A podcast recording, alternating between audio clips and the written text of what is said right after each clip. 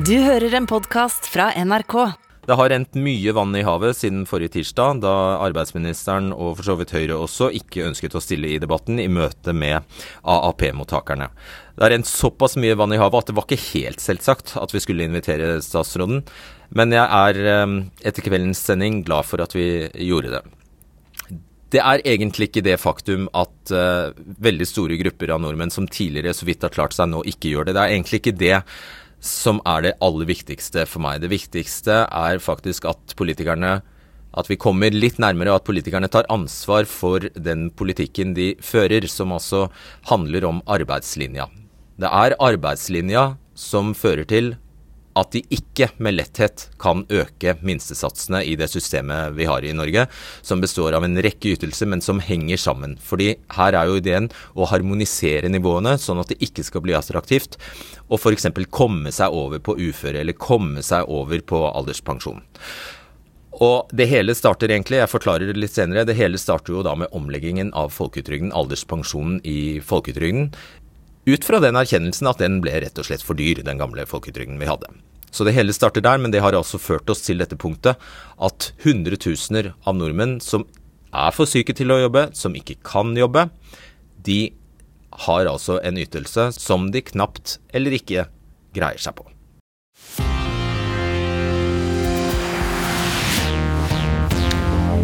«18 000 kroner har en norsk husholdning i snitt fått i økte utgifter i år. Jeg vet du sitter der hjemme og nikker og kjenner deg igjen. Men denne debatten skal ikke handle om oss som kjenner oss igjen i snittet. Vi skal snakke om de som ligger et stykke under snittet, de som av årsaker vi andre ikke har noe med å gjøre, har havnet langt nede og ved enden av det norske bordet. De arbeids- og inkluderingsministeren ikke ville møte forrige tirsdag.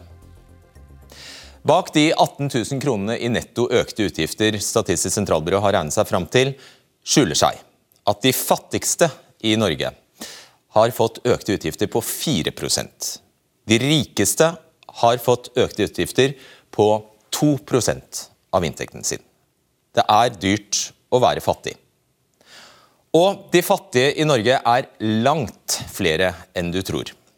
71% av aleneboende minstepensjonister i Norge lever i fattigdom. 63% av aleneboende uføretrygdede lever i fattigdom. Og 27% av enslige forsørgere lever i fattigdom. Og deres fattigdom øker med antall barn. Velkommen til deg, arbeids- og inkluderingsminister Marte Mjøs Persen. Tusen takk. Hvorfor ville du ikke komme forrige tirsdag? Jeg ville jo veldig gjerne ha hørt på historiene til Renate og de andre. Eh, og så skjønner alle at ikke vi kunne diskutere med SV om ting som ligger på forhandlingsbordet, men debatten ble mye bredere enn det jeg hadde sett for meg. og skulle veldig gjerne ha vært her og hørt det, og jeg er veldig glad for at du inviterte meg på nytt igjen. Vi er glad for det, må ikke være noen tvil om det. Det må ikke være noen tvil om at vi er glad for at du er her nå, men vi allerede mandag så ga vi beskjed om at dette ikke skulle handle om bare temaer dere forhandler om med SV. Ja, og jeg eh, skulle veldig gjerne vært her og lei meg for det, men jeg er glad for at jeg er her nå. Fredrik. Hvilke følelser satt du igjen med da du så Renate på TV, da? For det gjorde du. Ja, jeg så Renate på TV, og Renate forteller jo en veldig sterk historie om hvordan det er å leve med lite penger i Norge. Og det gjør dypt inntrykk på oss alle sammen som eh, hører det. Eh, og um, det er krevende tider. Det er krevende for eh, mange. og jeg har lyst til å si at vi skal komme oss gjennom dette sammen. Eh, og den krisen verden står overfor eh, nå, den eh, rammer de som har minst, aller mest. Og vi har en ganske djerv ambisjon i regjeringen om at vi skal komme gjennom dette uten at forskjellene øker mer. Eh, samtidig som vi gjør det vi kan for å holde rentene lave og hindre at prisen stiger ytterligere. så det skal ramme enda hardere. Du sier det gjorde sterkt inntrykk. Gjorde det så sterkt inntrykk at du fikk lyst til å hjelpe henne?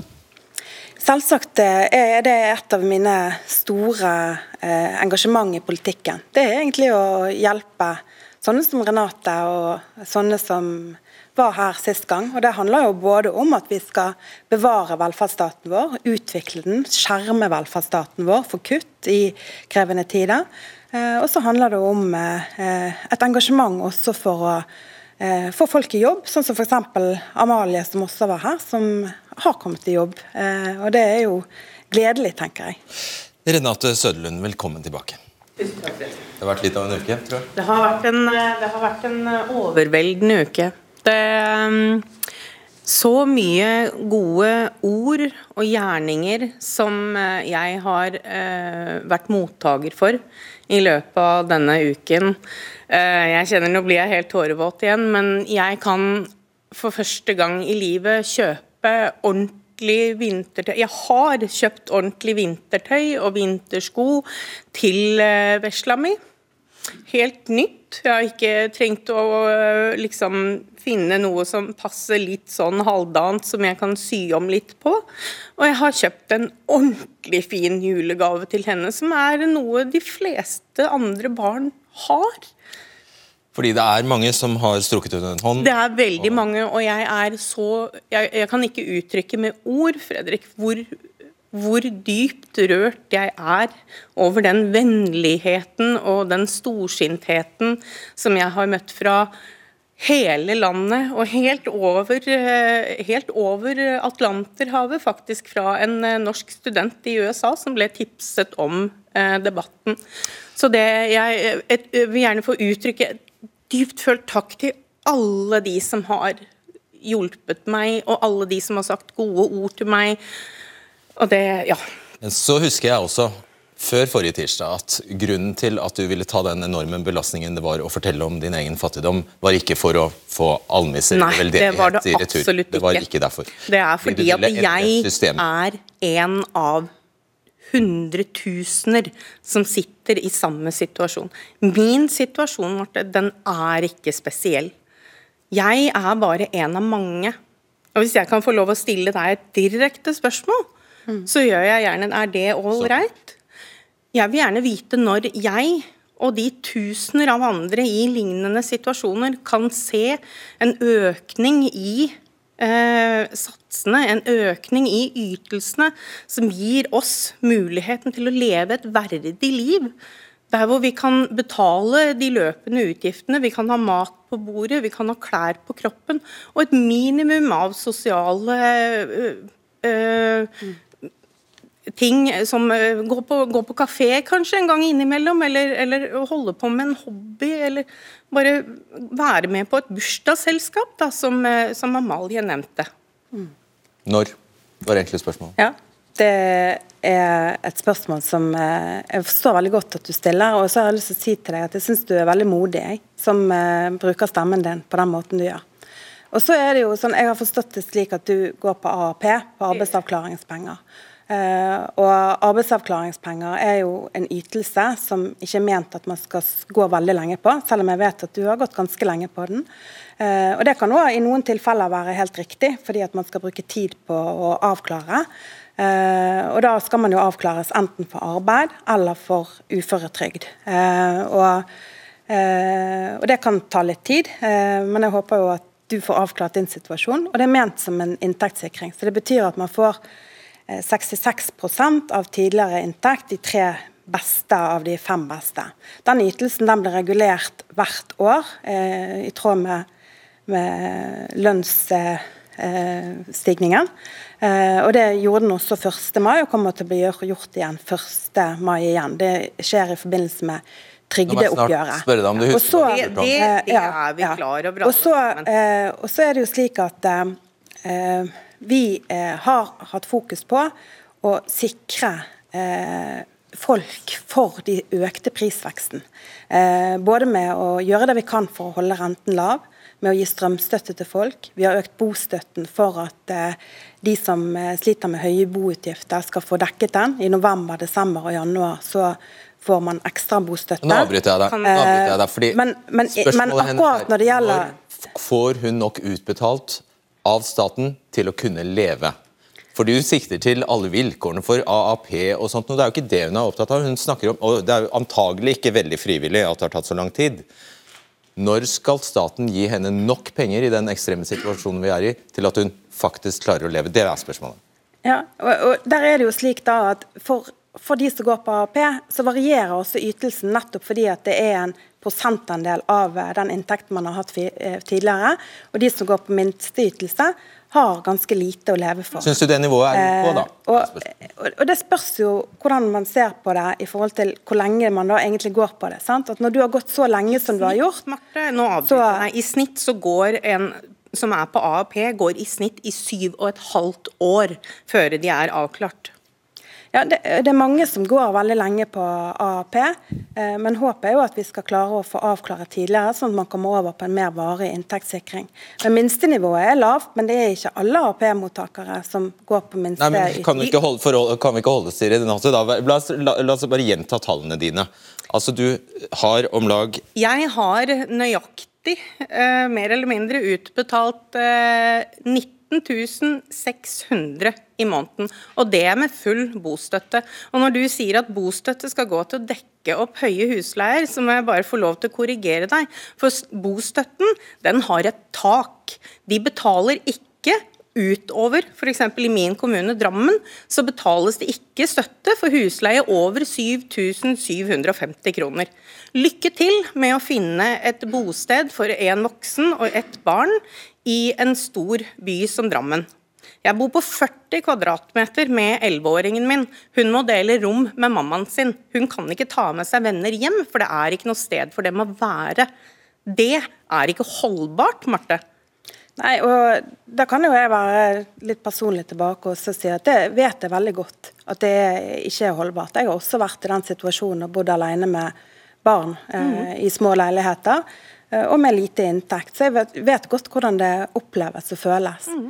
Eh, og, og, den usikkerheten man kjenner på når man har dårlig råd, sånn som du har og mange andre har, den er ganske vanskelig å leve med, fordi det gir mange uforutsigbarhet. Hva er løsningen? Hun klarer Nei, ikke som, på disse 20 000 med en husleie på 10, så går ja. ikke budsjettet hennes opp, som, opp, og Jeg skal bare gjenta det.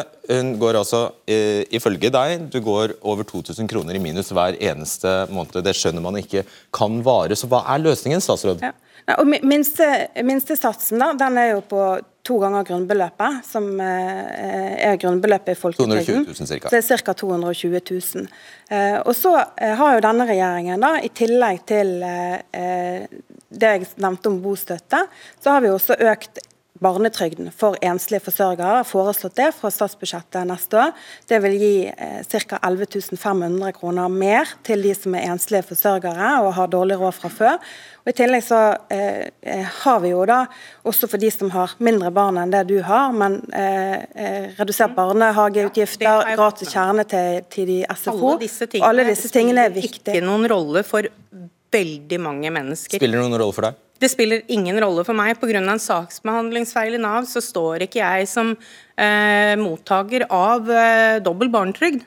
Selv om jeg er aleneforsørger. Renate... Så for meg så spiller det ingen rolle at dere øker barnetrygden for enslige forsørgere. Sier, vi setter strek der. Mm. Hjertelig takk for at du kom på nytt, Renate Sølvlund. Og lykke til. Takk. Dersom politikerne virkelig ønsker å gi mer penger til dem som har minst, ja, så finnes det mange måter å gjøre det på. Høyere uføretrygd, høyere sosialstønad, høyere eller mer spisset barnetrygd. Mulighetene er mange, og dersom du vil delta i diskusjonen om dette, kan du gå inn på nrk.no Fredrik Solvang og si din mening der. Da skal jeg ønske velkommen til Knut Ragnar Hegseth eh, Bakke. Hei. Eh, vel møtt til Jan Tore Sanner fra Høyre, partiet som heller ikke ville være her forrige tirsdag. Og velkommen tilbake til debatten, AAP-aksjonsleder AAP Elisabeth Thoresen. Takk. EUs fattigdomsgrense for Norge er i år på 260 100 kroner. Hvis man lever på minstepensjonsnivå, kan man få så lite som 173 025 kroner etter et langt liv. En vanlig uføretrygd kan være så lav som 254 168 kroner. Og Går man på arbeidsavklaringspenger, kan man få enda mindre, 222 952 kroner. Og Er man ung, under 25 og havner på AAP, da forventer politikerne at man skal kunne klare seg på 148 635 kroner i året. Alle disse minstenivåene i ordninger mange hundre tusen nordmenn er avhengig av, ligger altså under EUs fattigdomsgrense. Velkommen til deg, seniorrådgiver i Statistisk sentralbyrå, Tor Morten Nordmann. Takk for det. Jeg tror vi kan starte med de uføretrygdede. Ja. Hvordan har realutviklingen, eller realvekstutviklingen deres vært eh, de siste årene? Ja, Hvis vi ser litt på eh, den gjennomsnittlige samla inntekten da, som uføretrygdede har, som jo omfatter litt mer enn bare uføretrygd, de har litt andre inntekter i tillegg også, så har den utvikla seg ganske negativt, i hvert fall de siste fem årene. Da har de hatt en realnedgang på rundt 2,5% som jo for så vidt egentlig skyldes mest at andre inntekter har gått ned, og ikke så mye uføretrygden. Den har faktisk hatt en bitte liten realøkning de siste ja, fem årene. Men ca. 2,5% i nedgang på ja. fem år. da. Dette er jo ikke helt oppdaterte tall. nei, nei vi, vi, har ikke en nyere enn det, så det, sånn må det bli. Men eh, så har jo kolleger av deg i SSB i det siste regnet på eh, hvordan eh, disse ekstreme utgiftene har eh, påvirket oss. Det har de gjort. Ikke sant. La oss ta AAP-mottakerne. Hva ser vi her? Ja, litt bedre inntektsutvikling enn for de uføre, også litt over tid. Så, så de har hatt en liten vekst i de samla inntektene sine, i hvert fall de siste tre årene. Ja. Det går litt fort her, men 3,1% i økning. Og så tar vi minstepensjonistene mens, mens, vi er i gang her. Ja, Det tallet som på 0,2 der, det viser jo til de aleneboende minstepensjonistene. Og Det er kanskje dem som er viktigst å fokusere på også, for det er jo som du nevnte i innledningen din, at det er jo den gruppa som er absolutt mest utsatt for å havne i lavinntektsgruppen. Ja, Der var det over 70% Over 70 ja, som havner i vedvarende lavinntekt. Så eh, i denne perioden, i deler av denne perioden så har vi andre nytt godt av en ikke veldig fet reallønnsvekst, skal jeg må si det, men på rundt 3 da. Eh, så når vi ser det at AAP-mottakere f.eks. ligger på det samme, så er det, så er det kanskje sånn at man blir ikke, man blir ikke blåst helt eh, av stolen. Men hvis, går inn, hvis vi går, da går inn og ser på lavinntekt, altså egentlig fattigdom blant AAP og uføretrygdmottakere, hva ser vi da? Ja, da, Det blir bildet litt annerledes. Eh, for eh, de er jo overrepresentert i lavinntektsgruppene. Både mottakere av uføretrygd og, og arbeidsavklaringspenger er overrepresentert i lavinntektsgruppa. Eh, hvis rundt 11% av befolkningen totalt er i lavinntekt, så er andelene blant, blant uføre 15% og så er det 21% av mottakerne av arbeidsavklaringspenger. Men som du ser, så er det litt, litt forskjell med alder her. Spesielt unge AAP-mottakere er veldig utsatt. Og igjen så må vi kanskje også peke på de aleneboende og de som mottar minsteytelsene. da, For det er jo de som er absolutt mest utsatt for lavinntekt. Og så noe jeg vet det kommer til å bli snakket eh, om uh, mer i kveld, nemlig barna. Ingen liker mm. at barn er fattige eller vokser opp i fattige familier. Så da regner jeg med at de to styrende partiene som står her, Arbeiderpartiet og Høyre, gjennom en årrekke fra år 2000 har sørget for at det i hvert fall ikke skjer at barn havner i fattigdom. Nei, Nå kaller vi det vedvarende lavinntekt, men det er fly, kanskje noen kaller det flisespikkeri. Men sånn er det. Eh, ved årtusenskiftet så var rundt 4% av alle barn i Norge i vedvarende lavinntekt. og Det er jo eh, en andel som har økt ganske jevnt siden da, litt trinnvis. Veldig jevn økning siden 2011, så vi har landa på 11,7% av alle barn i 2020 som er i husholdninger med vedvarende lavinntekt. Nesten 12% av barna som vokser opp ja. i Norge, bor i jeg vil si, fattige familier. 115 000 barn eh, teller vi da omtrent. 115 000 barn. Ja. Er det da riktig å oppsummere med at så store deler av Norges befolkning, som altså mottar eh, ytelser som er lavere enn EUs fattigdomsgrense, at det er en riktig konklusjon? At eh, de, ja, de har i tillegg fått mindre vekst enn oss andre. Er det riktig konkludert? Ja, Lavinntekt avhenger jo litt flere ting. Det avhenger jo også av hvem du bor sammen med. Så, så, igjen så må vi peke litt på husholdningssituasjonen. At det er de som bor alene blant ytelsesmottakerne som er mest utsatt for å havne i lavinntektsgrupper. Og spesielt de som er på minsteytelsene. De, de havner jo nesten automatisk i lavinntekter fordi at ytelsene er ganske lave. Det, det, er ikke noen naturlov. Du er ikke politiker, du skal få slippe å ja, svare ytterligere. Men det er ikke noen naturlov at minsteytelsene skal ligge under EUs fattigdomsgrense? Nei, det er ikke opp til meg å bestemme, men det, det er ikke noen naturlov, nei. Greit. Takk skal du ha, Tor Morten Nordmann. Knut Ragnar Hegseth Bakke, velkommen til deg. Tusen takk. Du er 51 år gammel. Du er ufør eh, siden februar 2020. Ja. Eh, og du mistet samboeren din i kreft i juli. Da gikk du fra to inntekter til én. Eh, du er selv ufør pga. angst og depresjoner, og du har også en hjertefeil. Hva gjør denne situasjonen med deg? Den er ganske frustrerende. For nå er det vel snart den femte eller sjette måneden som jeg går i Det å ikke ha penger eh, utover å, å få mat eh, og sånt. Så ofte så ja, bruker jeg en tusenlapp på mat i måneden. Det er alt. Vi ser budsjettet ditt eh, her, Knut Ragnar. Altså en inntekt på eh, nesten 19 000, det er inkludert bostøtte. Ja. Så har du boligutgifter på 8500, som du sier en tusenlapp på mat og drikke. Det var lite. Transport 600. Du har noen lån du betaler på. Og så har du diverse utgifter her. og jeg skal bare legge til at det, Disse diverse utgiftene det er ikke mer mystisk enn det kan være forsikringer, det kan være medikamenter, det kan være husholdningsartikler og, og f.eks. telefon og internett og alt sånt som vi Ja. pleier å måtte ha. Og da sitter du altså igjen med ti kroner, og jeg skjønner det er det du har på kontoen din nå? 900, jeg har 9 kroner og 99 øre. Hvordan går det, da? Ja, det går jo ikke. Det, er Jeg må prioritere hver eh, bidige måned. Eh, Jeg har eh, hva er, hva er det jeg må ha? Må jeg ha medisiner, eller kan jeg på en måte skippe det denne måneden her og kanskje kjøpe toalettpapir eller tørkeruller? Eh, Det var du som eh, eh, var du som tok kontakt med meg eh, på Instagram, og du avsluttet den meldingen med å si noe jeg har hørt tidligere, nemlig at er noe av det verste er egentlig å måtte be mamma om hjelp. Mamma er eh, minstepensjonist, og jeg får eh, kanskje lånt en 50-lapp ny her og da. Og det er liksom det er 50-lappen kan være ei flaske med brus eller en sjokoladeplate. Eh, og så nærmer vi oss jul. Hva, hva ønsker du deg til jul? Det jeg ønsker meg til jul, er å få noen julekort og et viskelær. Får får tegne ut, eller viske ut eh, støttelinjen i de håndtegna tegningene som jeg driver med. Ja. Og nå har du muligheten. Er det noe politikerne du vil at politikerne skal gjøre, som du kan se er realistisk at de kan eh, få til? Jeg syns på en måte at de bør eh, heve satsene eh, på trygd.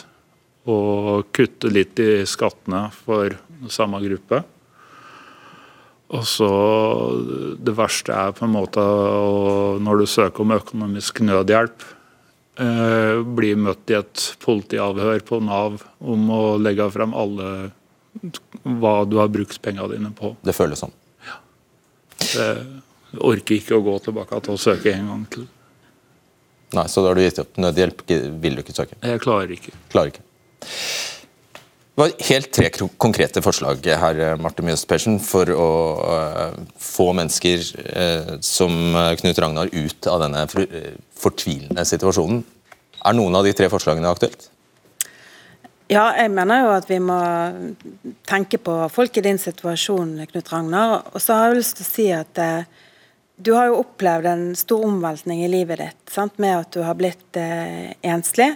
Eh, og det For det første kondolerer for det. For det andre så er det jo sånn at veldig mange av oss, når vi opplever ulike livsfaser, enten det er fødsel eller død eller eh, at man mister eh, arbeid og sånn, så eh, må vi oppsøke Nav for å få hjelp.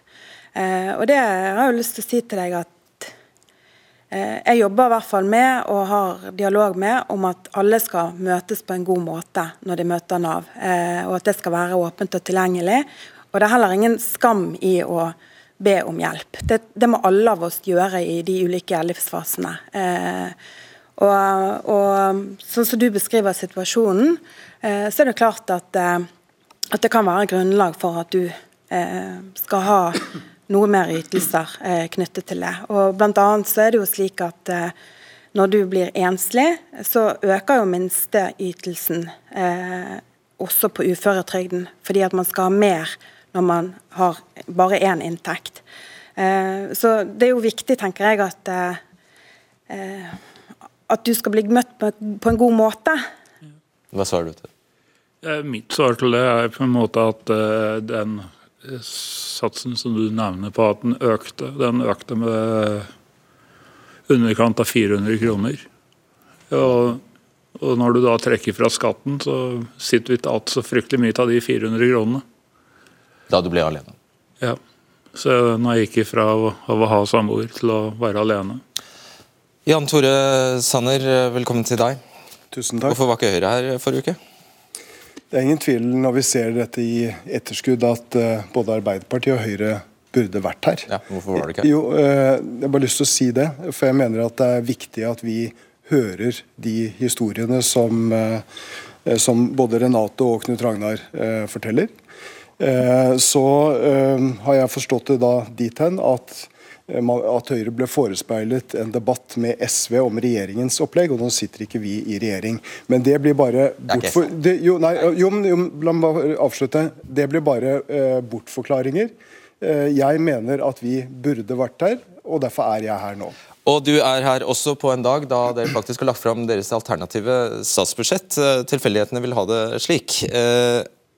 Deres eh, budsjett heter 'Store utfordringer kan løses'. Så Hva er den helt konkrete løsningen for eh, Renate og Knut Reidar fra Høyre? For det første, og det handler ikke om budsjettet, men det handler om at alle mennesker skal bli møtt med respekt. Eh, og Det er jeg veldig glad for at Bjørs Persen også understreker. Alle skal bli møtt med respekt, uansett hvilken situasjon man er i. Så har vi i vårt forslag lagt frem flere tiltak som vil kunne bedre situasjonen noe. Eh, beveger seg i riktig retning. Det handler om økt barnetrygd. I regjering økte vi sammen med KrF barnetrygd med 8200 kroner for alle med barn under seks år. Eh, og nå har vi foreslått økt barnetrygden med 3000 kroner per barn opp til 18. Eh, så har vi også foreslått lavere skatt som vil utgjøre 2300-2700 kroner. Det er heller ikke all verdens, men det er likevel skritt i riktig retning. Og så er det det aller siste, og det er at uh, vi må sørge for at flere av de som kan arbeide litt, får muligheten til å gjøre det. Derfor har vi også foreslått flere tiltaksplasser, både varig tilrettelagt arbeid og ordinære tiltaksplasser, som både skal være med lønnsstøtte og med kompetansehevende tiltak. Så dette desperate ropet du hører fra begge om at satsene må opp, nivået må opp fordi utbetalingene er for lave til å leve av. Til det er ditt svar ja, 191 kroner i skattelette til Knut Ragnar, er det du snakker om, faktisk. Og økt barnetrygd til barn han ikke har. Ja, eh, men Renate har, eh, har, har, barn, og for de som har barn, så betyr økt barnetrygd mye. Og jeg, jeg er helt enig i at 2300 eh, eller 2700 kroner i, i skattelette er heller ikke all verdens, men det er allikevel noe lavere skatt på den inntekten. Og så mener jeg at vi også må legge bedre til rette for at flere kan jobbe noe, selv om man ikke kan jobbe fullt. Og Der ga du meg stikkordet. Denne arbeidslinja som dere to er veldig enige om, og som nesten alle stortingspartiene er så opptatt av. Hva er det egentlig? En gang handlet folketrygden om å yte etter evne, få et behov, men så fant jo politikerne etter hvert ut at vi har ikke råd til den samme folketrygden som før. Så i stedet ble altså pensjonen, eller alderspensjonen i folketrygden til en slags konto som kun fylles opp hvis vi greier å stå i jobb lenge. Og De som ikke greier å stå i jobb lenge, de må klare seg, som vi har sett, med en pensjon under fattigdomsgrensa. Det er realiteten. Og Da vi fikk mindre i alderspensjon fra folketrygden, ja, da måtte politikerne også gjøre uføretrygden og de andre ytelsene like dårlige, for at det ikke skulle lønne seg å hoppe fra yte til ytelse til ytelse, for at det ikke skulle lønne seg å ikke jobbe. Ebba Wergeland, du er arbeidsmedisiner og du er med oss fra NRK studio i Kristiansand. og Du mener norske politikere siden 90-tallet her har gjort en stor feil. Hva er det? Ja, feilen er at de i likhet med kollegene i Europa fikk det for seg at trygden måtte kunne brukes på en annen måte, som produksjonsfaktor, som ble sagt i papirene, eh, til å mobilisere arbeidskraft til markedet. Og behov kom i bakgrunnen, mens atferdsstyring ved hjelp av penger kom i forgrunnen. Og eh, de fikk det også for seg at eh, eh, folk manglet motivasjon for å arbeide, at trygdene var for gode. Og at for å få folk til å velge arbeid, som det så vakkert heter, så måtte trygdene bli dårligere. Og vi fikk slagord som at det skal lønne seg å jobbe, det gir jo, Når politikere sier det i offentligheten, så tror jo alle som ikke selv har vært borti dette, at det ikke er sånn nå. At de trygdede på en måte lever i sus og dus, og at det ikke lønner seg annet enn å gå på trygd. Så bare selve slagordet om at det skal lønne seg å jobbe, som altså brukes på fransk, på tysk, på engelsk, det er med på å skape fordommer om at det er så utrolig lønnsomt å gå på trygd. I tillegg et annet slagord vi skal gjøre arbeid til førstevalg. Da må jo alle som ikke er involvert i dette selv, tro at ja, de som søker trygd, de har jo ikke arbeid som førstevalg. De vil jo velge trygd.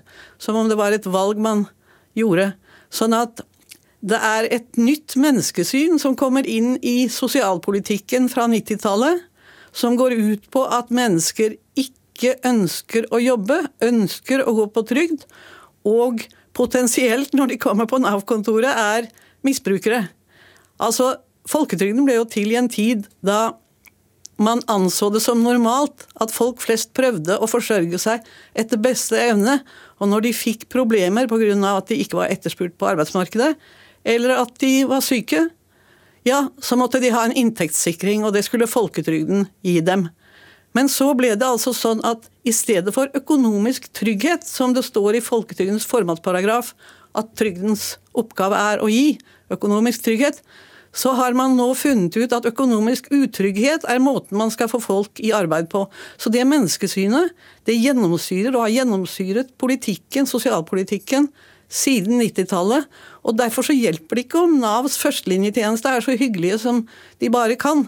For det ligger et underliggende budskap i alle Navs ordninger og de endringene som er kommet i folketrygdloven siden 1990, hvor den mer og mer skulle tilpasses denne nye arbeidslinja, eller mistillitslinja som den også kalles. De møtes med mistillit, og de føler det, og skammen er vendt tilbake i hjelpesystemet. Takk, Ebba Wergeland. Takk. Og du tar den videre her for oss, Elisabeth Thoresen. Velkommen tilbake til deg. Eh, for dette vet jeg du underskriver på, det Wergeland eh, sa. Så hva helt konkret er det disse politikerne nå kan gjøre for å løfte disse ut av den situasjonen de er i? Det er å øke grunnbeløpet. Grunnbeløpet det bør økes til rundt 150 kroner. 1G bør være 150 kroner. Det betyr nemlig at de som da mottar minsteytelse på 150 000, men. 150 000 kroner, unnskyld. Um, kommer opp på ca. 300 000 i året. Og når da skatten er trukket fra, så holder de seg for, forhåpentligvis over fattigdomsgrensen. Og På den måten så vil også de som har vært i jobb i mange år og har egen opptjening, få noe mer. For det er dette vi må. Og jeg har lyst til å si det òg at det som har vært gjort fram til nå, det virker ikke. Det ser vi på alle statistikker. Vi har hele tiden kjørt en linje som har gitt mindre i inntekt. Og nå må vi begynne å lage en sosialpolitikk som fremmer god helse, menneskelig utvikling og læring. Mennesket må settes i sentrum. Er dere villige til å gjøre det, å øke gulvet? Å øke rett og slett minstenivåene? Er du villig til det? Vi har ikke foreslått eh, det eh, eh, i, vårt budsjett. Vi økte minstepensjon da vi satt i regjering i flere runder, og det betød mye for minstepensjonistene. Du var inne på, på den gruppen i sted. Og så har jeg lyst til å, å legge til én ting til som også er viktig, og det er kompetanse. Vi må også sørge for at eh, de som står i fare for å falle ut av arbeidslivet, får mulighet til å øke sin kompetanse.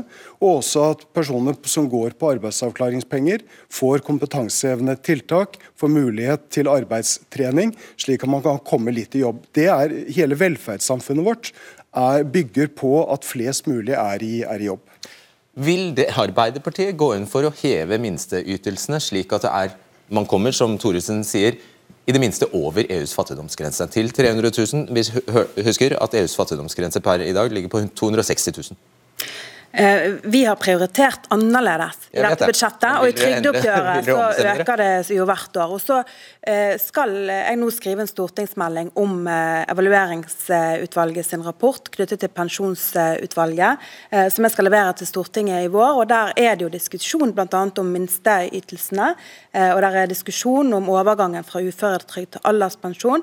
Og der er en del andre diskusjoner. Så Dette skal jo Stortinget ta stilling til. og jeg mener at det er viktig at vi ser på dette litt i en sammenheng. Men jeg har lyst til å si én ting knyttet til eh, det som eh, Sanner tok opp her med sitt statsbudsjett. fordi at eh, vi har også sørget for at vi har vernet om ytelsene. Men i statsbudsjettet til Høyre så Eh, kutter de jo igjen feriepengene på dagpengene. De kutter igjen i barnetillegget på uføretrygden, som eh, sist gang de gjorde det, betydde kanskje 50 000 for en som var uføretrygdet og hadde barn. sånn at den økningen i barnetrygden, dessverre så vil den komme altfor kort, den i forhold til de andre samlede kuttene som Høyre da legger frem i dag. Svar på ti sekunder. Ja. Det skal, når, når, det gjelder feriepenger for arbeidsledige, så er jo det feriepenger du får når du er tilbake igjen i jobb. Eh, og Barnetillegget for uføretrygdede, der mener jeg at det er, også er usosialt at du skal kunne gå ned i inntekt når du går fra trygd og til, til, arbeid. Så det er riktig at vi har noen slike endringer. Og så har jeg lyst til å, å bare legge til, hvis jeg får ett sekund til, og det er at jeg ser veldig frem til den meldingen til Mjørs Persen. Eh, fordi at vi må erkjenne at de ordningene vi har hatt, de innretningene vi har, det har ikke fungert godt nok. Vi er nødt til å gjøre mer for at flere kan komme i arbeid, og flere kan leve verdige liv. Og der sier jeg tusen takk til dere. Du blir stående, eh, medspilleren. Takk skal, skal, dere ha for at dere kom.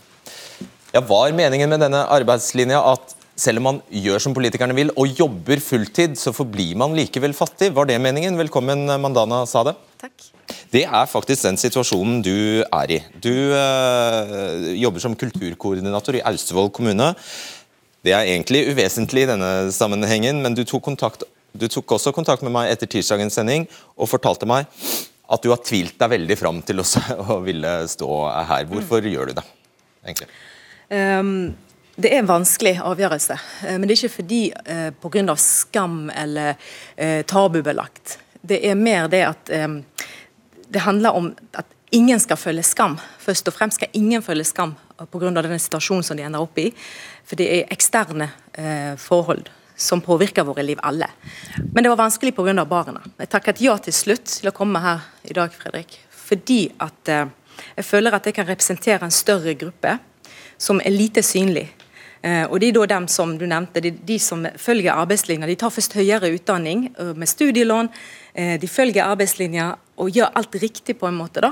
Men likevel så klarer de ikke enda, få endene til å møtes i dag. Nei. Du, din historie er at du ble eh, separert for elleve år siden, og så tok du utdanning, og så fikk du deg eh, jobb. Hvorfor var det veldig viktig for deg?